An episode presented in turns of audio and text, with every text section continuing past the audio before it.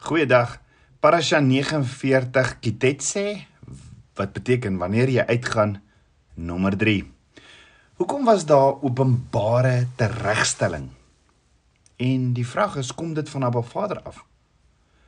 Wel sonder twyfel het 'n openbare teregstelling 'n skare gelok.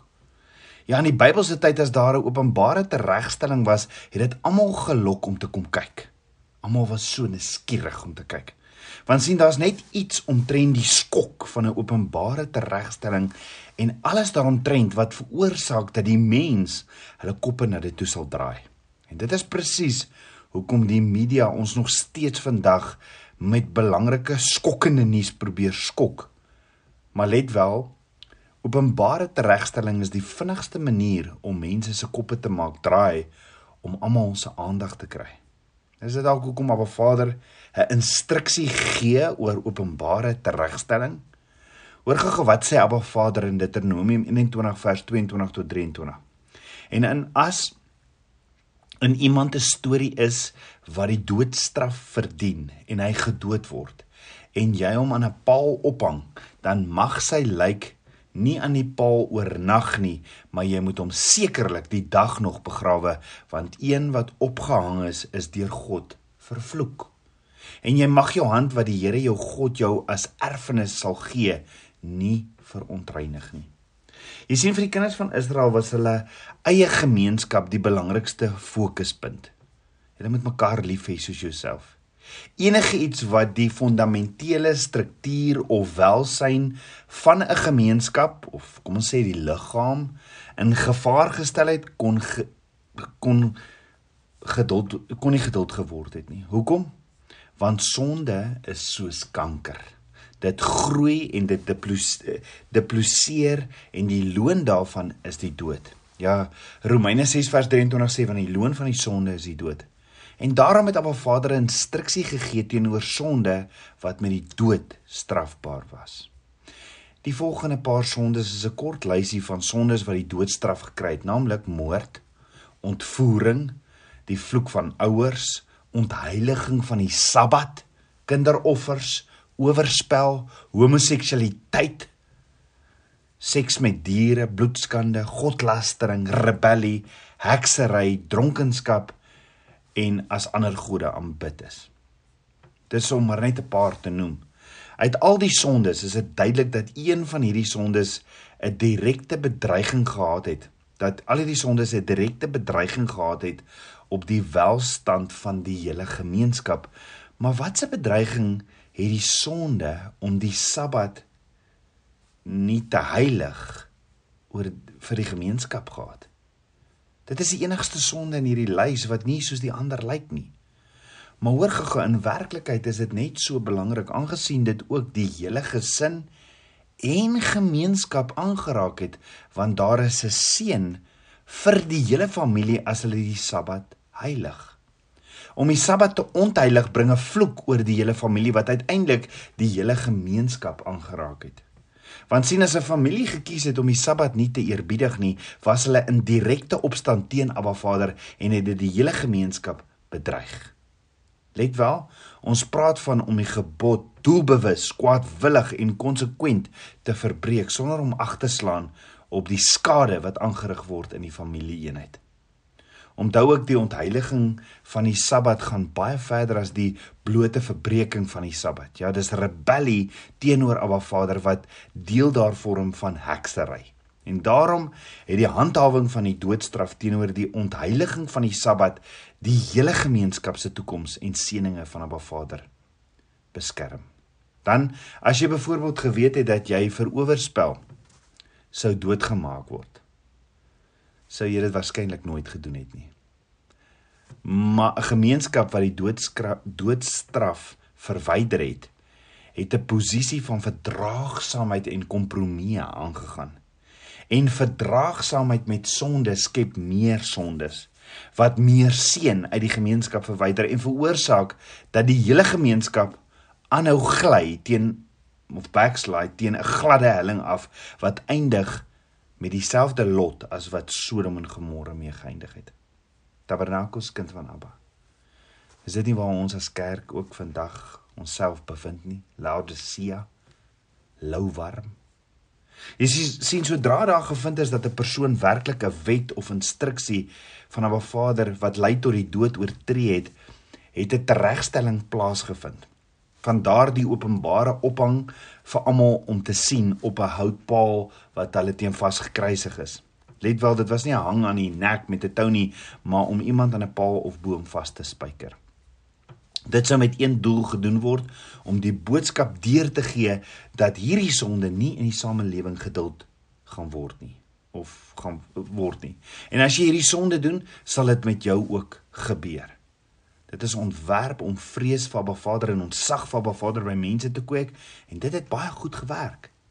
Maar hierdie uiterse vernedering ervaring kon eers in die middag plaasgevind het en hoor gou die liggaam moes voor sononder verwyder of afgehaal word van die paal. En daarom sê Paulus ook in Galasiërs 3 vers 13: Yeshua het ons losgekoop van die vloek van die wet deur vir ons 'n vloek te word want daar is geskrywer vervloek is elkeen wat aan 'n hout hang. Dis mos wat Yeshua gedoen het. Sodat die seun van Abraham na die heidene kan kom in Yeshua Messie en dat ons die belofte van die gees deur die geloof kan ontvang. Let wel in die geval van Yeshua is sy liggaam ook voor son onder van die kruis afgehaal. Johannes 19 vers 3. Maar die vraag is waarom gee Abba Vader uitdruklik die instruksie dat die liggaam voor son onder verwyder moes word? Wat was Abba Vader se oorspronklike bedoeling daarmee? Ek meen die persoon is mos dood. So wie gee regtig om? Die oorspronklike bedoeling van 'n openbare vertoning van die doodstraf is om ander daarvan da, daarmee af te skrik. Maar hoor gou, die vernedering van 'n persoon is verbode in Abba Vader se koninkryk. En dit is die rede waarom alle ander sondes privaat gehanteer moes word. Daarom veroordeel Abba Vader se kinders so erg in sy woord, omdat dit iemand se reputasie so skade aandoen. Slegs in die geval van die doodstraf is dit aanvaarbaar om dit onder die aandag van die gemeenskap te bring.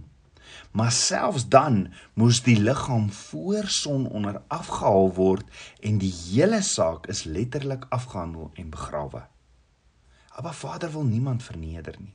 Nee, Abba Vader is met die doodstraf besig om sonde reg te stel en te voor, voorkom. Nou van wie, van wie verskeie faktore word hierdie opdrag uiters ook relevant uh, relevant vir vandag, naamlik nommer 1 As gevolg van sosiale media laat ons nie meer die oordeel oor aan die wat die autoriteit het in Abba Vader nie. Nee, almal het nou ewe skielik regters geword. Inteendeel sosiale media het die boom geword waaraan mense gehang word.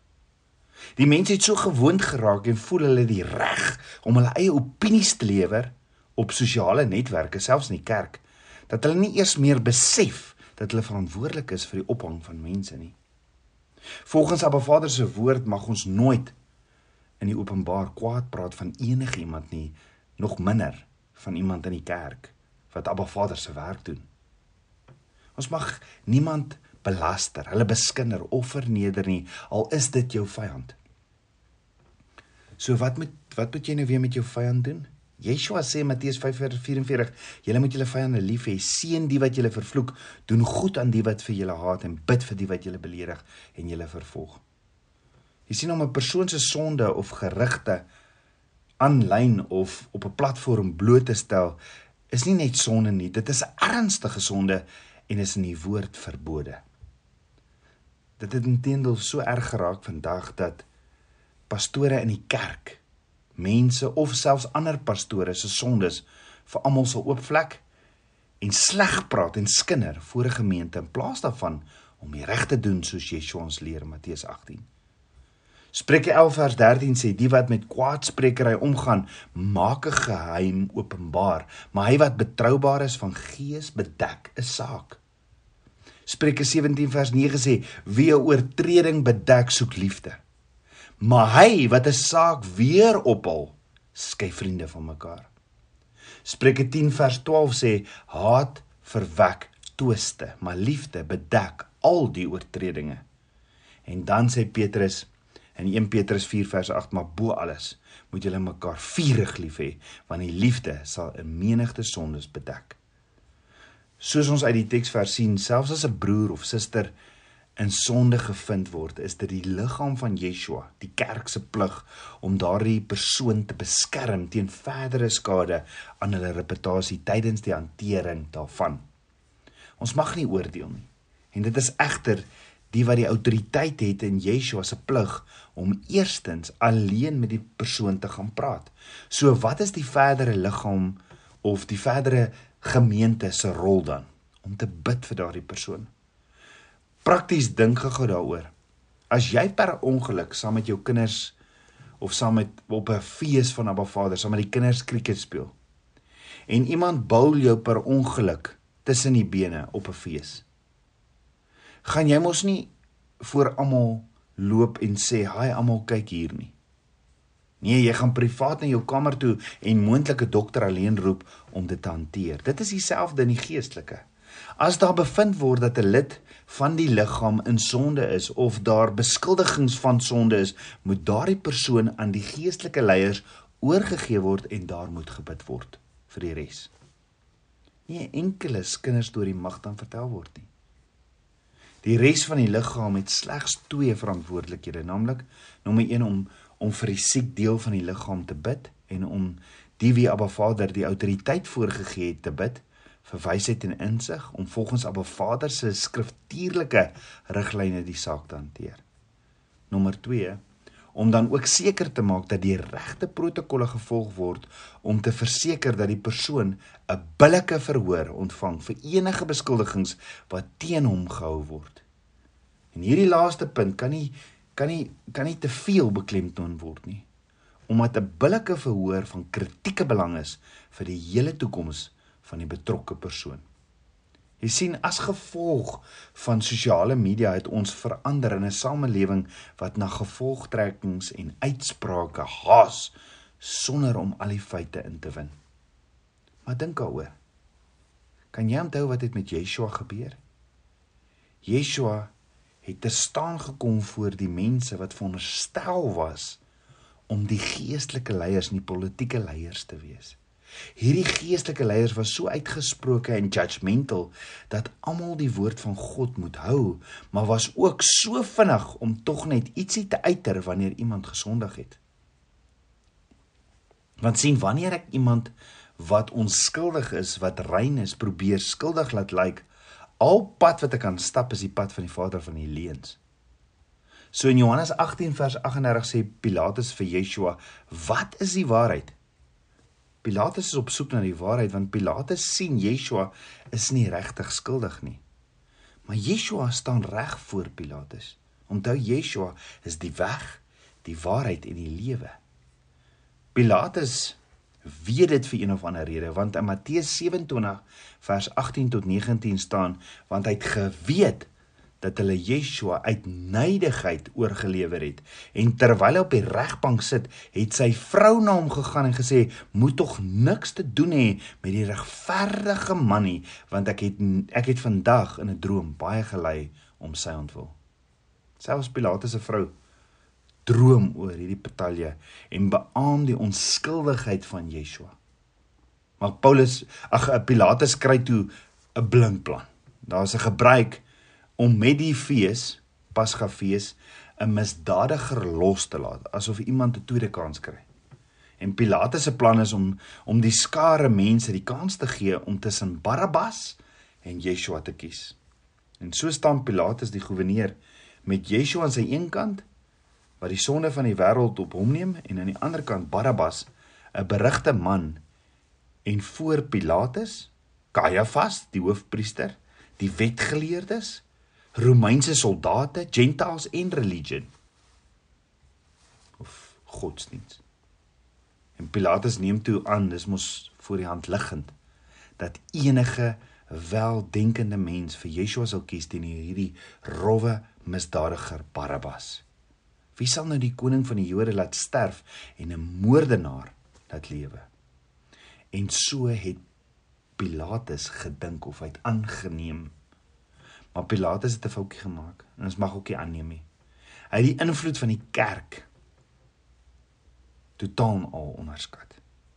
Die klomp korrupte ouderlinge en owerpriesters het teen hom gedraai. Want Matteus 27 vers 20 sê maar die owerpriesters en die ouderlinge het die skare oorgehaal dat hulle Barabbas moes laat leef en Yeshua ombring. Hoe belaglik is dit nie dat die kerk die mense so kan beïnvloed om te kies vir iemand wat hulle eie lewe in gevaar stel teenoor 'n mens wat net goed gedoen het? En Pilatus vra vir hulle wie wil julle hê moet ek vir julle loslaat? En hulle skree soos een man Barabbas. Pilatus vra verder in Matteus 27 vers 22 wat moet ek dan met Yeshua wat Christus genoem word doen Laat hom gekruisig word, skree hulle soos een man. En Pilatus doen 'n dom ding. Hy staan nie op nie. Maar laat toe dat hy soos al die res deur die kerk beïnvloed word. Hy probeer met 'n soet, soetsappige beeld sy onskuld was deur sy hande met water te was, so asof hy asof hy sê dat hy niks met die betalje uit te waai het nie, maar Pilatus terwyl hy weet Yeshua is onskuldig, gee hy Yeshua nog steeds aan 'n klomp korrupte kerkleiers en bloeddorstige mense hoor. Die mense wat geskree het Barabbas en wat geskree het laat hom gekruisig word, het tot gevolgtrekkings en uitsprake gehaas van die owerpriesters en ouderlinge sonder om al die feite in te win. Jy sien die regte protokolle volgens Abba Vader se woord moet gevolg word om te verseker 'n persoon kry 'n billike verhoor omdat 'n billike verhoor van kritieke belang is maar om oor te ponder. Wat gebeur as jy later agterkom dat die gerug wat jy gehoor het nie waar was nie? En dat jy iemand onskuldig aan 'n paal 'n kruis laat kruisig is laat kruisig het? Want sien soms is myn jou vals beskuldigings en kinderstories net soos om iemand te kruisig. So wat doen jy as daar geen manier is om 'n kinderstorie wat jy vertel het te stop nie want dit het al nou net so ver versprei en om verder oor te ponder. In Deuteronomium 21 vers 22 staan: "Want een wat opgehang is aan 'n paal en vasgespijker is, is deur God vervloek." Is dit nie ook hoekom Yeshua op die kruis van Ba Vader gevra het in Matteus 27 vers 46: "Eli, Eli, lama sabachthani?" My God, my God, waarom het U my verlaat nie? Kom ons bid saam. Aba Vader, skepper van my hart, ek loof en ek prys U. Aba vergewe my asseblief al die al die mense wat ek vasspyker aan 'n paal met my mond. Aba kom raak my mond aan met 'n vuurkoel en was my met die waterbad van U woord. Kom transform, kom verander my gedagtes. En rig, ek wil my fokus rig net op U. Leer my meer en meer van U waarheid. Ek wil u ambassadeur wees en u teenwoordigheid dra waar ook al ek gaan. Ek bid dit alles in Yeshua, Messie se naam, die seun van Jahweh. Amen. Shalom.